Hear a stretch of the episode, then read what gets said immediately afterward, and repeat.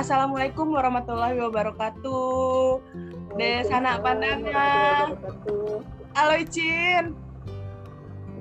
Halo Mbak. Iya, lama ndak ndak cerita-cerita bantu di podcast dalam satu episode anak Cin. Li masih di Hmm. Padang Cin Cin. Hai Jo Mbak. Mbak Lem masih di Padang. Baik, di Padang lah di Mayo lah itu kan hari dek dua hari kok angin badai lah Cin. Jadi kayak Ada lama ah. Iya, lama mana wak rasanya mau tahu tak eh, atau sanak-sanak eh, lagi santai gitu di rumah gini kan mandangan podcast hawa. Iya nak Cin? Golek-golek kan. Iya. Bisa di hujan balik kan. Iya iya betul tuh. Episode bulan kok kan awak masih tentang Mauli, tentang wisata Minang kok Cina, tentang kekayaan alam Minangkabau gitu. Apalagi kalau awak di ibaratnya di terkhusus Padang, tapi awak ndak awak bicara Sumbar gitu. Tapi terkhususnya mungkin di Padang, di Pasisia atau di Pariaman itu kan daerah daerah apa ya daerah pinggir pantai lah eh pinggir laut lah jadi kan banyak kekayaan kekayaan alam yang eh, daerah laut dan pantai yang digali. Apalagi kini tuh bantuannya ada yang sadang-sadang hits gitu lah, Cin.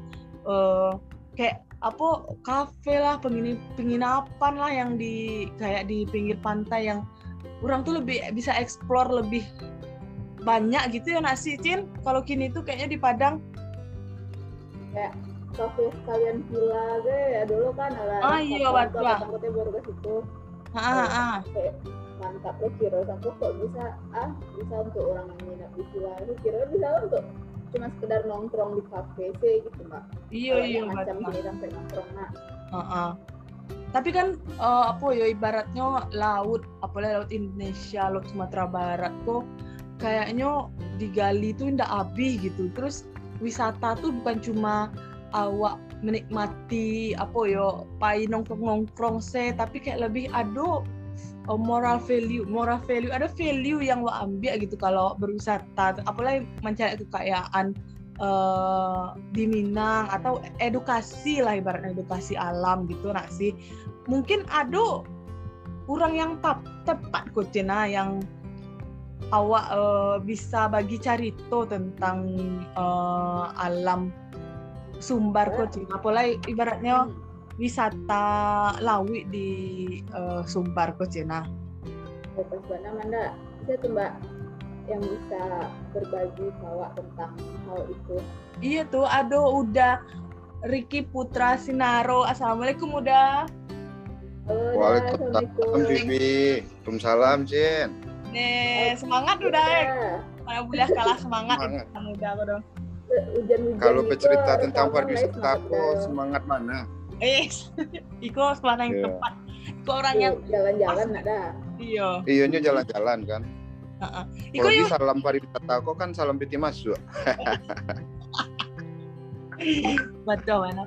Iko kok kayaknya awak lah berjodoh mana darah muda sama muda. Kok ada orang tepat awak membicarakan tentang wisata laut eh, Minang. Apalagi khususnya di udah kini base-nya di mana Di Sungai Pinang, di Rikis Ah, Beach Sungai House namanya di Sungai Pinang.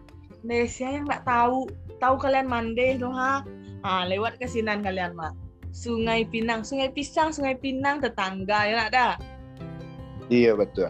ah alun apa ya cik? Orang tak kenal maka tak sayang eh Bayu lo.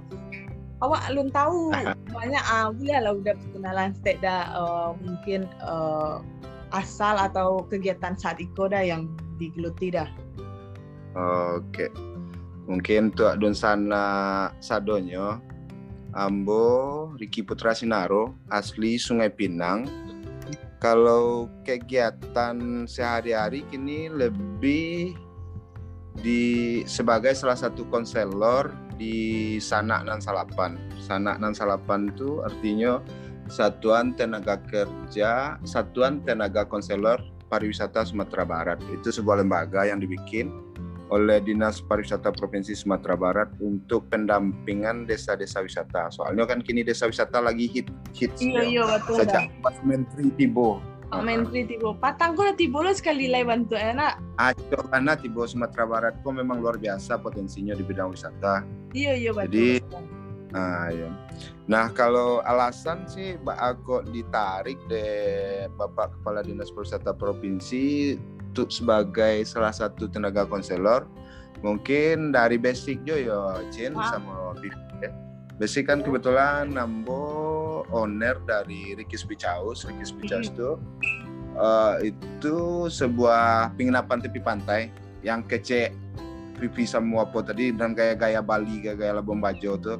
iya. Ah, Lagi itu hit. tuh lagi hits Bana kan Iya, iya. kebetulan omnya adik-adik yang dari Sungai Pinang di Sungai Pinang tuh kan banyak gitu penginapan yang tepi pantai dan Ah, ah. kebetulan kita kita dari Sungai Pinang tuh punya satu visi untuk bikin penginapan yang memang sesuai dengan kebutuhan atau keinginan orang yang datang. Jadi Rikis Bicaus ada, ada Manjuto Beach Homestay juga, ada pesona Ah, Manjuto juga di sana. Jadi kan gaya Bali, gaya Lombok itu segala macam itu buat gimana ya, menarik ya, menarik semua wisatawan. Ah, kebetulan saya salah satu apa ya pendiri atau owner pemilik Rikis Ah. Bicaus dan juga Ambo sebagai ya tibonyo kalau dikecen direktur lah lain lo bunyinya nah pemilik juga dari Ah, pemilik dari Authentic Sumatera Tour Operator. Jadi Ah. Authentic Sumatera itu sebuah perusahaan tour operator yang Ambo dan adik-adik dirikan di tahun 2010 lah. Itu bergerak di bidang special eco adventure dan special ecotourism. Jadi yang kami namakan Authentic Sumatera karena kami menjual Sumatera ya secara keseluruhan mulai dari Lampung sampai Sabang di Aceh Uh, kita jual hal-hal yang tidak dijual oleh banyak-banyak travel agent atau tour operator lainnya. Jadi kan seperti kebetulan pasar kami lebih ke Eropa. Jadi kebanyakan atau 100% sebelum pandemi Rikis Becaus atau Authentic Sumatera sebagai tour operatornya pasar kita kan lebih di negara Eropa Barat seperti Perancis, Belgia, Swiss dan Jerman. Jadi kita biasanya jual paket tour itu kita nggak jual gimana ya biasanya orang bule datang ke Sumatera Mhm. itu lihat Bukit Tinggi, lihat Mentawai, Iya iya. nggak ada salah juga. Cuman itu kan udah jadi mass destination. Mhm. Ah, nah di Authentic Sumatera sendiri, kenapa kita namakan Authentic Sumatera? Karena kita mau jual hal-hal yang asli dari Sumatera. Contohnya kita mix ya, ya via Cin ya. Kalau Iya. kita bikin tuh, kita jual Bukit Tinggi tetap. Cuman kita juga jual daerah di sekitar Bukit Tinggi yang sama sekali nggak pernah bule masuk. Oh. Jadi kita combine gitu. Ah, Pengalaman jadi orang mikir orang kan mereka dapat bukit tinggi, mereka juga dapat bukit tinggi yang aslinya. Kalau Hmm. udah ngeliat jam gadang, kebun binatang, itu kan semua orang udah tahu. Jadi Iya. uniknya tuh kurang, kurang gitu. Nah, nah, jadi itu autentik Sumatera dan kita juga jual itu gimana destinasi kita nggak sekedar di Sumatera Barat, kita juga seluruh Sumatera. Ah, mulai dari Lampung, mulai dari Sabang sampai Lampung ya. Apanya salah satu alasan uh, didirikannya Sumatran Sitar Tel Conservation Project itu lebih untuk mengakomodir uh, anak-anak di Sungai Pinang Ah iya.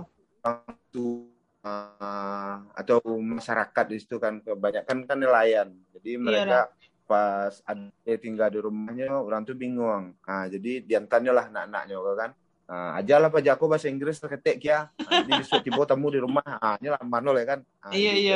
iya. Di situ tuh kami caliak, kami sama kawan-kawan, caliak Iko adalah sebuah jembatan, bukan kami sabut peluang, Iko adalah jembatan bagi kami untuk mengedukasi uh, di bidang konservasi dan kelautan uh, bagi masyarakat nelayan sendiri. Karena ketika wa, dulu lah coba aja mengedukasi itu lebih ke tentang penyu ya. Penyu Hmm. kan banyak batalua di pantai itu dapet taluannya dijual. Kemudian kadang penyu itu sendiri tersangkut beko di Phuket kadang de nya doh lo hal-hal yang atau tabu atau baala gitu kalau lama sua penyu itu kan Phuket lalu lari kan kayak Iya. pamali gitu. Ah, itulah dibunuh kok semacam kan. Padahal penyu itu kan salah satu ah, satwa yang dilindungi, Yang dan dilindungi. populasi ya populasinya kan tidak banyak lah. Iya. Nah, kami cari sekolah satu jembatan untuk mengedukasi masyarakat kami sendiri kan.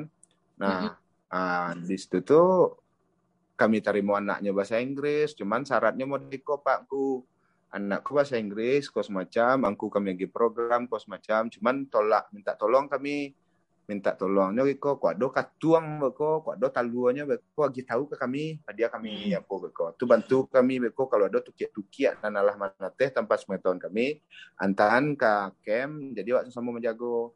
Ah, jadi mau itu kami mengedukasi orang, kemudian masalah sampah, ah, biasanya kan awak di pantai kok kan laut adalah tong sampah. Mm-mm. Iya, Iya. adalah tong sampah kan. Enggak lah, Nah, sih laut laut ala- alam. alam alam adalah tong sampah kan. Onde, Nah, jadi mati wak danga.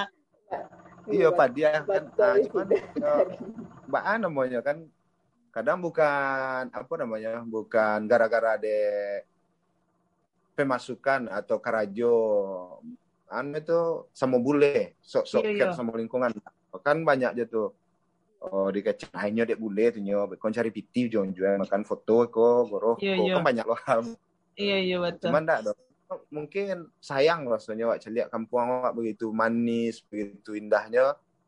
Ah lakumu ada plastik kok semacam. Ah, jadi enggak rancak saya dong kan.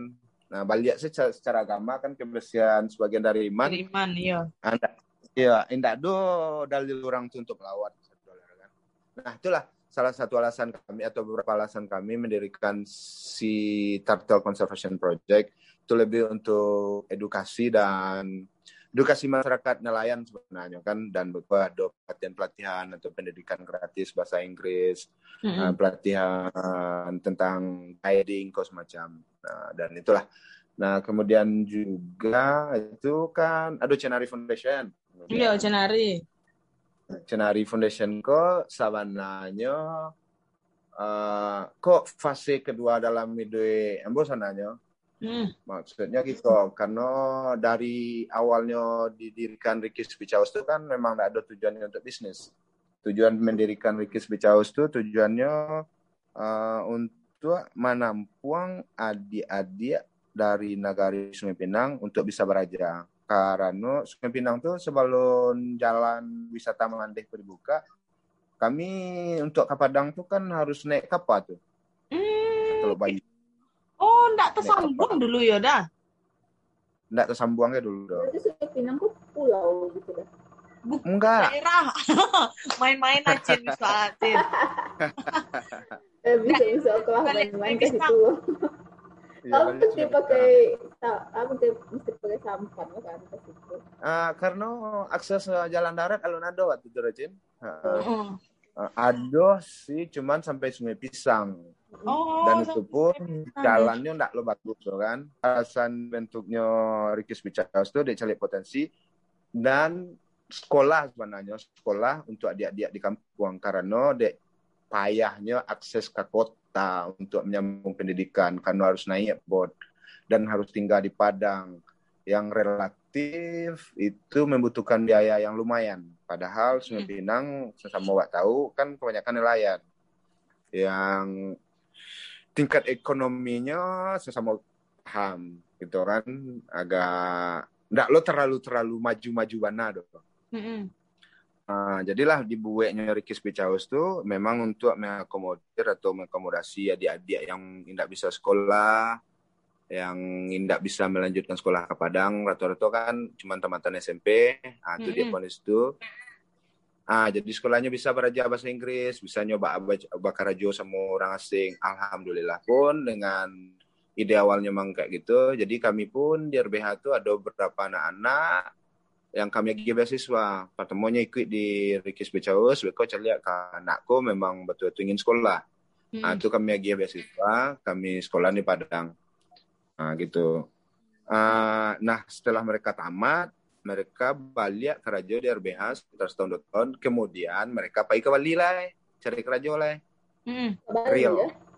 Ke Bali. Itu kebanyakan anak-anak di RBH Kis Picaus. Ah itu mereka kan sebelum pandemi di Bali lah Baju sadolahnya kan. Mhm. Ah, Jadi nah emang di Karajonya di pariwisata pariwisata gitu ya. Iya, itu ada Hmm. berapa tuh yang udah jadi perwakilan nah, top tour uh, operator dunia tuh. Ada yang namanya Ilham, itu uh, perwakilan tour operator Denmark dan itu Asia Tenggara. Jadi rutenya Asia Tenggara. Oh. Indonesia, Oh. iya. Oh gitu, keliling Asia Tenggara ya berarti ada. Asia Tenggara. Oh, Ada juga yang lain, ada Andre, Andre, Marta, itu tuh Asia Tenggara dan Indonesia bagian timur. Itu sama perusahaan Inggris. Ada juga yang hobi masak. Ya kan banyak apa tuh banyak orang banyak lo perangai. Ada lo perangai yang hobi apa bawang kan, Iya iya. ma- mempasiang bawang kan, akhirnya kerja di restoran. Ah, Mama Cik lo restoran cek, restoran Prancis lo di Paciknya di Bali, ya kan. Oh. Itu masih seangkatan Keren, sama Vivi sama jadi chef. Mm-mm. Keren keren keren dah. Bisa Keren. mbak mbak editor gayet. Ada. Nah, Awak jadi ya. Pai jalan-jalannya aja. Tapi kalau apanya, aduh masih banyak kurangnya awak mah. iya. Nah berarti eh Ricky Beach House kok sebenarnya memang konsepnya bukan penginapan yo awalnya, tapi kayak rumah baraja sebenarnya yo. Ah, memang ide awalnya dibantu Kiss Beach House itu memang rumah untuk Baraja. Oh, Ah, intinya penginapan, tapi sampai anak muda Sungai Pinang Baraja di situ tuh.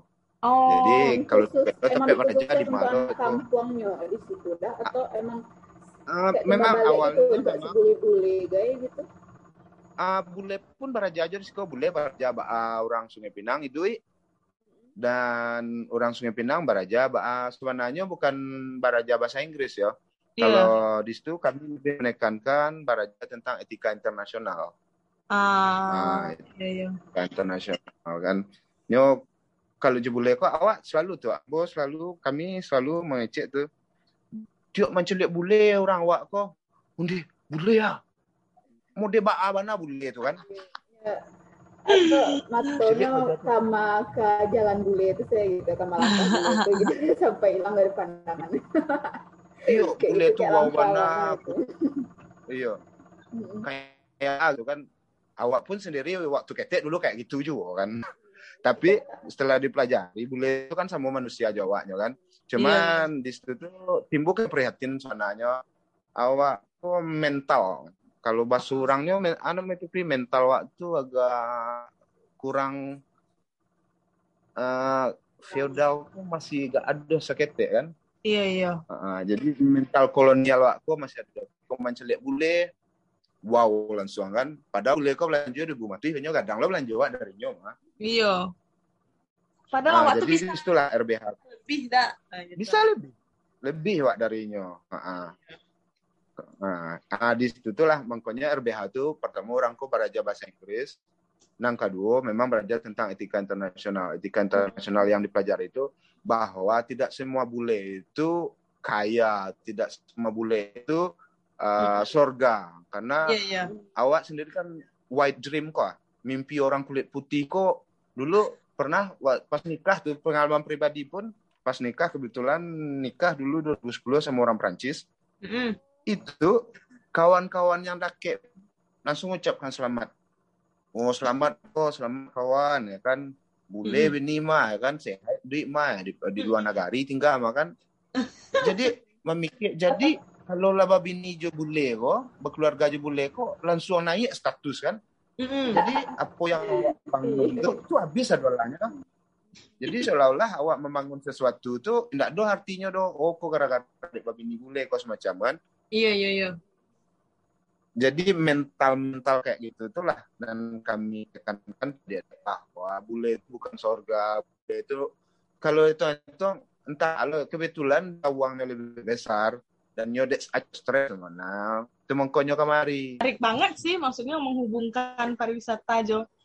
Pendidikan gitu ha kayak Iya. aduh aduh sih konsep udah kira Nah, memang sih Cenari itu memang dah berangkatnya kami sa- sama adik-adik tuh jo founder dan co-founder sadwalahnya Eh, berangkat dari yang itu keprihatinan soalnya cari generasi muda wak kini khususnya remaja dan anak-anak kan itu lebih ke masalah akhlak Hmm, Masuk. betul. Nah, itu kayak kayak yang game itu kan mobile game mobile legend Digital kosmetik ya. Ah, digital udah yang sudah ke HP gitu ya dah kurang gerak iya betul nah dan kontrol orang tua sebenarnya sih se- itu Ah, yang iya. salah. Mm-mm. cuma nggak lo bisa wak nyalahkan orang tua sepenuhnya karena di Sungai Pinang kan orang tuh di pandemi kok sibuk aja ekonomi masing-masing Mm-mm. Iya, iya. Jadi- lah banyak sebenarnya salah. Nah kami buat di situ tuh uh, Foundation ko Yayasan Cerdas Anak Nagari. Di situ tuh bidangnya pendidikan, seni budaya, hukum, uh, kelautan, olahraga. Jadi suananya Cenari ko wadah untuk Mm-mm. bereksplorasi pekerjaan nagari. Jadi contohnya di olahraga kami berpotensi kok diarahkannya kama gitu. Ah, di pendidikannya apanya artinya di malo buko jadi yang selama kan anak Sungai Pinang punya banyak potensi. Cuman de mindset ya de narrow mindset awak di Sungai Pinang tuh kan ah banyak sekolah yang tinggi. Ah, kamu bukit ya nyo nang cari pipi ya nyo kan. Ancalah bukit pang lo itu ya. Iya masih banyak mindset kayak itu nak dah. Ah, masih banyak. Dan itu pun kini kok pandemi kok itu balik balik mindset- lama kayak gitu tuh Mm-mm. Ah, Iya. jadi de daring kan sekolah daring ah jadi anak-anak kok sekolah tuh nak perlu dehnya ah makanya kami buat cenari kok jadi anak-anak tuh harus ikut program sekolahnya yang keseniannya harus barandai yang di budayanya harus tahu bah Mm-mm. Kalau seandainya untuk apa anak-anak dari itu saja daerah, nyodek prim sejauh itu untuk anak-anak aduh dari aduh kalau untuk boleh ada. Boleh bergabung Hmm, ada. memang untuk anak-anak lain ada sih berasasnya dari Sungai Nyalo, Mande yang juga buang. Cuman mungkin tidak jarak ya, mungkin tidak jarak orang tuh nggak Mm-mm. lebih Oh iya. iya. Akses di hari itu. yang agak susah Kami pun di Cenari ya indah mengeksklusifkan diri untuk anak-anak Sungai Pinang saja dong. Mm-mm. Karena memang Cenari kok ya Cenari kok bisa kok memang ide akhirnya kok Cenari global. Mimpi enggak lo ketek-ketek lo tinggi Hmm, tinggi lo mimpi iya. kan orang kok bagak-bagak lo nyo kan darahnya darah muda sedolah Awak tuh. itulah sekilas tentang cenari lo bisa baca itu banyak dong karena kami masih on proses Hmm. lah next next question Enggak, kau sambil mau tanya dah. Kalau boleh Oh, kepo lah. dah. ah siap Tadi kan ada uh, Ricky Beach Beach House, terus ada Cenari. Tapi kayaknya alun lo ulik tentang sana sana Oh, sa- kan salapan itu kok maksudnya sebagai konselor untuk dinas pariwisata tuh dia maksudnya apakah ibaratnya kayak staf khusus kalau di presiden staf khusus presiden yang ngasih magiah pendapat ke presiden gitu untuk pertimbangan atau sama nggak sih pesa- perannya seperti itu gitu dah untuk pariwisata Sumbar apalagi eh, dinas pariwisata gitu kan dah. ah jadi jadi anu itu kalau kami di tim sana itu sebenarnya namanya tim sana aja ya bukan sana enam salapan. Cuman kebetulan balapan orang kan Hmm. Jadi sana tuh satuan tenaga konselor. Jadi sebenarnya bahasa kami tentang sana kok dukun kampung sebenarnya. Jadi Ya, dukun Mm-mm. karena dek karajo kalau dikecian staf khusus lo berarti waktu lebih dikantu untuk bagi arahan ke kepala dinas pariwisata. Mm-mm. Tapi Hmm. radio kami tidak mau itu. Jadi tim sana kok ditugaskan di dinas provinsi di pariwisata provinsi untuk melakukan pendampingan ke desa-desa wisata dan pok- pokdarwis kelompok sadar wisata yang ada di desa-desa di seluruh Sumatera Barat. Mm, mm, mm. Jadi di saking trennya desa-desa wisata kok bahkan Sumatera Barat itu di jejaring desa wisata Indonesia tuh jadesta.com Mm, mm. lumayan banyak batangku nak salah keluar lah. ah, di kumpulan ini Jawa kok sadolahnya masih banyak ya Sumatera Barat lah kan Mm, mm, mm. Nah, jadi Sumatera Barat kok 283 entah 238 Desa wisata ada? desa wisatanya. Eh, Dan itu tuh Manang di data saja kan. Oh iya, pengelolaannya alur riset bahkan ada tuh beberapa temuan kami Hmm. eh, di lapangan ada desa wisata itu masuk nominasi untuk tahun 2021 pat- kini kok 2020 patang ini masuk nominasi desa wisata terbaik Sumatera Barat versi GP itu gabungan industri pariwisata. Setelah kami bahas bok sama orang itu ini tentunya dong siapa yang membuat desa wisata kok. Jadi itulah salah satu lucunya. Jadi nan tim sana kok itu kan 28 orang ada awak pribadi dari Authentic Sumatera itu lebih ke uh, tour designing tour designing sama hospitality dan international market kemudian ada Ritno Kurniawan mungkin kenal sih nggak pernah jadi podcast kan Yo, Mm-mm. uh, baru Nah, Ritno. baru bana baru bana patang kok, baru rilis sama Baru dari bana, ya. Iya, Iya. dari no. Ritno itu kan lebih ke kelembagaan Pok Darwis karena Ritno kok kan memang mas, maestronya Pok Darwis Indonesia kok Hmm. luar biasa kok. Hmm. Kok Hmm. kalau di kami itunya juara itu. Mungkin banyak dapat penghargaan itu. Hmm, sampai hmm, hmm. internasional kayak. Kemudian keren ada Yuliza Zen, Liza dari Oh, Kuburan. Oh, iya, iya, iya. Ya, ya. Itu lebih ke women empowerment sama iya. gastro venture ya. Kemudian ada Husen, Mas Husen dari Yayasan Sumatera Volunteer itu Oh, lebih Darusen ke juga. Ah, Rata-rata Iya, lah bisa. jadi bintang tamu di kamu. iya, di daerah Mudo, itu Husennya mah kan. Heeh. Itunya lebih Iya, ke ekonomi Yuliza, kreatif kan. Ah. mm-mm. Kemudian ada Ajo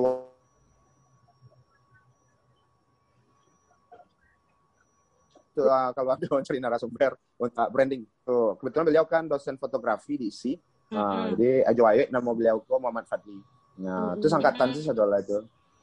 Ah, itu lebih ke event itu, ah, event planner. Karena beliau kok bisa membuat event di tiap-tiap nagari menggerakkan kesenian di Piaman. Ini orang Piaman ya kan. Mm. Hmm, Ajo nama. Iya, Ajo Wayoy. Hmm. Oh, ayo, ayo.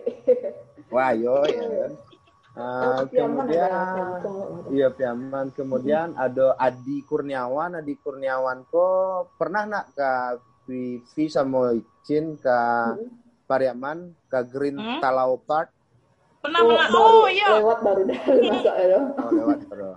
Ah, di situ Oh, tuh. Hanya founder Betul. situ.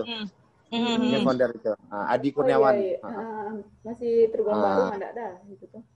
Oh, nak lalamu aja tuh. Oh. Mungkin Cin dah Oh, dia sejalan ke situ tuh. Heeh.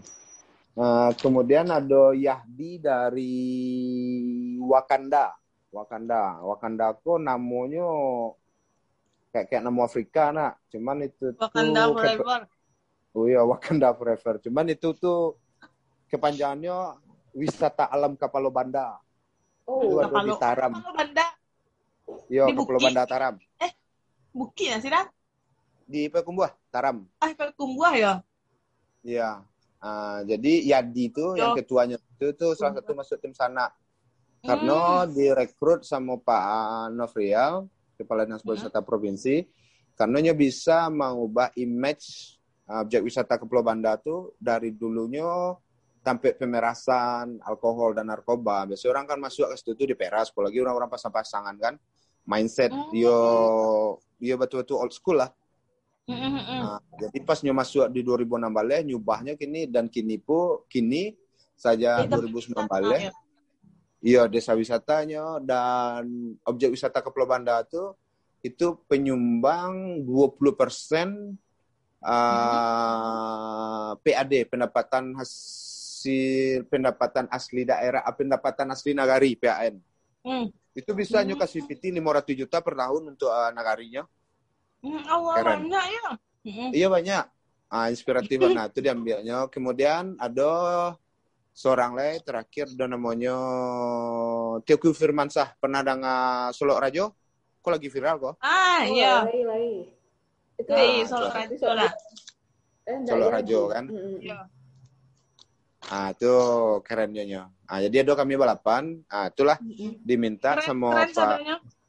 Iyo. Suana nak lo keren mana saudara lah, sok keren sih saudara lahnya kan. Kebetulan orang lain lo mbak sobo. Ah, ah. Ah, itulah diminta sama Pak Nov untuk suananya lebih ke brainstorming, brainstorming Hmm. para pegiat wisata di ting- ya, di tingkat desa. Orang kan Hmm. bermain desa wisata. Ah, di Hmm. acaranya ke kos macam. Nah, itu sebih cara awak Keren. tentang wisata dan pariwisata.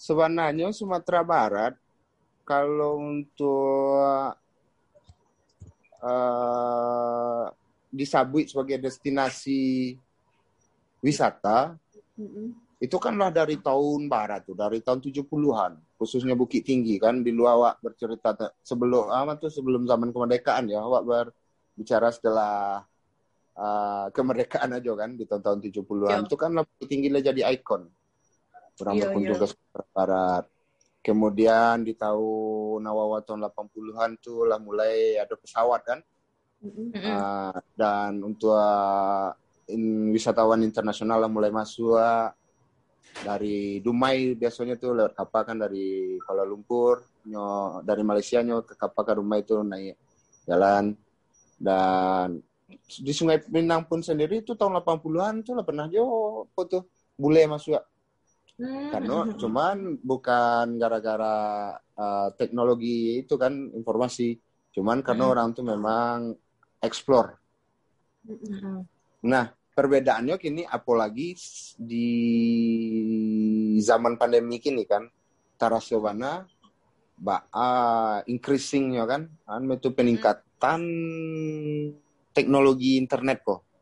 Iya, iya. Jadi kalau wak berbicara tentang pariwisata, kalau wak sebagai apa ah, travel enthusiast kok, bah, bahasa waknya kok ah, penikmat, penikmat Iya, iya. ah, jalan-jalan gitu. Nah, dan orang suka perong raun mana. Ah, awak tuh nak pandai cari informasi doh. Oke lah, Mm-mm. nio ke kawasan mandeh.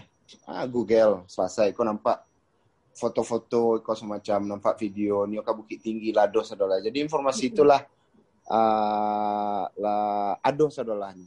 Nah, kelemahan sebenarnya, kelemahan dari pelaku dan pegiat pariwisata yang dari Sumatera Barat, khususnya di tingkat lokal, mereka tidak menyadari uh, pesatnya perkembangan internet tuh. Uh, mereka cuman terpaku mah menyiapkan iya. fasilitas Iya, iya. mereka sendiri. Jadi mereka Iya betul. lupa. Ah, lupanya kan eh aduh patang foto pajako ditampek dan aja kan.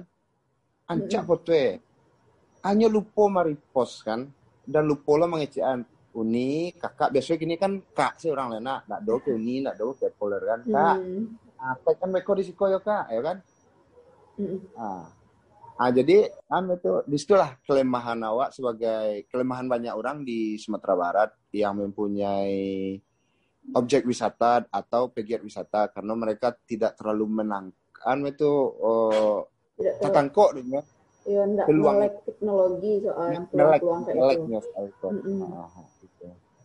Ah, banyak tuh kadang-kadang kami ada lo pas pas turun ke lapangan dengan tim sana kan Mm-mm. Cie desa wisata tuh, Cie Tampek tuh bisa lo tujuh akun Instagramnya. Oh. Iya, iya, Jadi iya. apa aktivitasnya kan? Mm-mm. Jadi nak efektif loh kan? Iya, iya, iya. Paham soal Kok followernya dok? gitu. Iya, do followernya do balik orang, adiknya bertiga, kawan-kawannya berempat, terus buku pacarnya berdua kan? Ah, jadi indah efektif. Ayo. Ah, Iya, nah, di kadang situ tuh malah dia- nyonyolo kadang ya kan. Sekali apa tuh, kan? gitu. Ah, kemudian iya an tuh nak melek tuh lah Cinta dia nak melek Betul. teknologi itu kelemahan wak kan tahu bahwa teknologi informasi berkembang pesat cuman wak nak ngeh. Iya. Cuman kalau ya ya orang-orang yang terlibat dalam bayo pengelolaan wisata ujung pangkalnya gitu ada banyak kan yang mungkin seumuran yang ngalah hitungannya agak gaek gitu ya dan makanya agak kurang melek teknologi gitu misalnya kalau misalnya seumuran atau ya masih milenial lah atau misalnya 30-an awal mungkin masih atau masih bisa lah adanya terkelola misalnya di di pasar di apa tuh dipasarkan ke medsos jadi Iya. yeah. tangkok deh saling orang luar guys gitu kebanyakan emang orang-orang umum yang terhitung ala gaek gitu deh yang mengelola wisata-wisata Kalau kini, kalau berbicara tentang pariwisata berbasis masyarakat, Mm-mm. itu itu campur. Ada yang apa-apa, ada yang generasi milenial. Nah, ada juga kalau bagi kawan-kawan yang di daerah. Mereka tahu pentingnya media sosial dan mereka juga tahu pesannya perkembangan teknologi informasi. Cuman kadang-kadang mereka tidak paham tentang konsep branding. oh iya betul betul Nah, gimana nge-branding suatu produk atau suatu destinasi itu Hmm. dengan betul. Kadang-kadang kan awak kan ala buat hashtag contohnya. Hashtag itu kan bagian dari branding kan, algoritmenya kan kayak gitu kan. Mm-mm. Ah, dibuat beko hashtag Nagariambo. Apa sih sinkronisasinya sama yang lain? Nah, jadi an itu kurang paham jo, alah ada medsos awak alah. Cuman ba algoritme cie medsos tuh atau Jadi cie aplikasi itu penggunaan kan med- paham gitu. Iya gitu. Hmm. Ya kebanyakan Nah, orang-orang tuh memanfaatkannya soal kayak akun medsos pribadinya gitu. Betul. Ya pernah tuh dia di perusahaan atau event eh kayak digital marketing masih baru lah. Atau ada Hmm. kliennya memasarkan villanya gitu lah. Nah Ya. kadang foto keluarganya gitu ya uploadnya di situ kan kurang nyambung kan untuk memasarkan usaha villanya gitu. Ya, Mm-mm.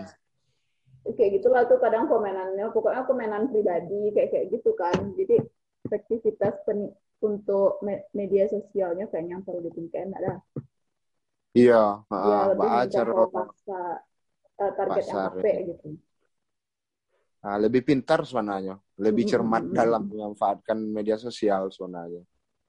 Iya. oh. Jadi itu se- sebenarnya kayak gitu mah. Kalau Mm-mm. pengalaman pribadi kami di Rikis Picaus dan Tentik Sumatera, Mm-mm. itu Rikis Picaus itu di tahun 2010 lah dibuat di Sungai Pinang.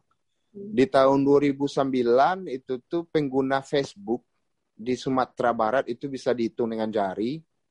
Dan Rikis Picaus sendiri ladoh apanya tuh Facebook page-nya. Mm-mm. Ah, jadi alado media sosialnya sebelum penginapan itu sendiri. Karena di situ lihat bahwa penggunaan internet sangat penting. Iya. Ah, s- di situ jo beraja ba acaro nge-brandingnya sedolahnya kan ba acaro kan betul efektivitasnya media sosial kok. Nah, ketika Hmm. penginapan jadi ah, media sosial wak lah punya followers lah mulai aktif di anu namanya searching online ah, engine kok oh search Ah. engine search engine kok ya Search engine deh, gua kan. search engine ah lah terjangkau jadi lebih gampang lah Mm-mm. nah, gitu Mm-mm. Suara asik, pariwisata kok asik. Apalagi kini orang sadolah berbicara tentang pariwisata. Mm-mm. Berbicara tentang pariwisata kan. Iya. Ini zaman Segala semakin sesuatu. rentan stres gitu ada. Jadi orang berbondong-bondong aja cari atau alternatif hiburan gitu kan. Iya. Mm. Mm-mm. Iya, an tuh tren apa tuh? Tren berwisata ya. Tren Mm-mm. berwisata orang awak tuh, orang Minang lah. Eh, kalau orang Jawa nak lo tahu mana kami itu kan. Mm-mm. Kalau orang Minang lah. Kalau dulu eh apa kok kalau nyo nio jalan-jalan itu mungkin Hmm. untuk gel- golongan menengah ke atas atau Oh. untuk golongan ke bawah agak susah kan Mm-mm. karena berpikir itu kan di bayi jalan-jalan ke sinan kadi tanah lo nak do di rumah lah kan ah nak kadi makan ikut rumah kan karena memang itu ah kayak Mm-mm. gitu dulu kan kalau nak Mm-mm. salah kan kalau kini kok ya kayak Ci Icin sama Novi tadi nyoca lihat kawannya bafoto kini kok di puncak Mande Iya. nampak di anaknya kan. Ma apa ya kan? Si Anu tuh aja nya kan bafoto di sini nah. Apa yang lo itu lah ya kan? Jadi Hmm. ada semacam Rancang social competition. iya social competition. Jadi kalau nya nak pergi ke sinan nya tinggal lo. Di tetangganya sebenarnya tidak gaul gitu. itu salah satunya kan yang membuat tren orang berwisata itu berubah. Dan memang di luar faktor kebutuhan psikologis, Mm-mm. memang Yohan itu kini de anu mah ekonomi makin susah karena Joko lah semua aja robot. Mm-mm. dari pagi sampai sore khususnya bagi-bagi yang terikat kerajo dengan aturan jam Iya. kerja Malah ada. WFH kok malam nggak ya? Nggak tentu jam Iya. itu kadang. nggak tentu jam ya lo kan ah jadi memang kebutuhan untuk berlibur nah itu makin tinggi Mm-mm. nah itulah mangkonyoan betul apalagi kini kok Mm-mm. ah, di bulan September kok kan lah habis PPKM ya PPKM kan Iya. mulai dari Juli wak PPKM kan Iya, iya. Iya. Wah, PPKM. Kini kok untuk kawasan Mandela tingkat kunjungan itu tiga minggu terakhir kok. Itu luar biasa membludaknya tuh. Mm. Sampai sampai iya, sampai sampai ada beberapa bahkan bisa dikecen tuh ada berapa eh, ratusan orang tuh yang bolak-balik cari kamar ke Rikis Bicaus, cari kamar ke Manjuto Bis Homestay, cari kamar ke Baga Cottage. Ah, Hmm. Karena ketersediaan kamar di kawasan Mandeh itu tidak sebanding dengan Kenapa? tingkat kepopulerannya. Mm. Mm-mm. Ah, Oh iya iya iya. ah, ya. Jadi kawasan Mandeh kok kan lah populer kok. Kalau untuk Sumatera enggak ada orang yang enggak kenal kawasan Mandeh kok. Iya. Cuman ketika anu tuh eh, pandemi usai, kawasan Mande atau pengelola tempat wisata di kawasan Mande akan kelabakan. Karena anu itu eh, Mm-mm. kalau beda ya, kalau Ricky Switchers karena mungkin kami lamo mungkin kini lo bermain di lokal kan biasa kan dulu lebih ke overseas market. Mm-mm. Jadi eh lah dap kebanyakan tuh di luar Rikis Bicaus, di luar Menjuto Bis Homestay. Karena tuh sama struggling dari awal kami tuh. Eh di luar itu tuh kan sadwalahnya yang penginapan atau penyedia jasa penginapan akomodasi yang dari kawasan Mande kan tuh sama dapat pisang takubak tuh. Mm-mm. pisang takubak jadi jalan lancak buat penginapan kebetulan ada modal lah langsung rami nah bisa kok kalau prediksi kami juga kawan sadwalahnya kok ketika pandemi usai itu akan ada namanya ledakan pasca pandemi Iya. ledakan Orang- pasca pandemi itu itu batu-batu rami dan itulah mulai di bulan September kok cuman nan di Sikoko nan nambo nan kami bincangkan di khususnya untuk kawasan Mandeh kok ledakan pasca pandemi itu Mm-mm. itu indak sekedar uh, kun, uh, led- ah, kunjungan wisatawan biasa ya yang meningkat itu akan ada kunjungan wisatawan event karena bisa Hmm. ke di kawasan Mandeh itu Oh, iya, akan iya, ada betul, tiga event per tahun tiga event per tahun Hmm. kemudian ada libur panjang libur anak sekolah Idul Fitri kau semacam berarti ada sekitar 8 event sebenarnya terjadi setahun di kawasan Mandeh itu Nah, ketika para pelaku pariwisata di kawasan Mandeh sendiri tidak menyadari itu, mereka akan Iya, takaji. Mm-mm. takajinya nak, contohnya kini Mm-mm. di rami orang mah.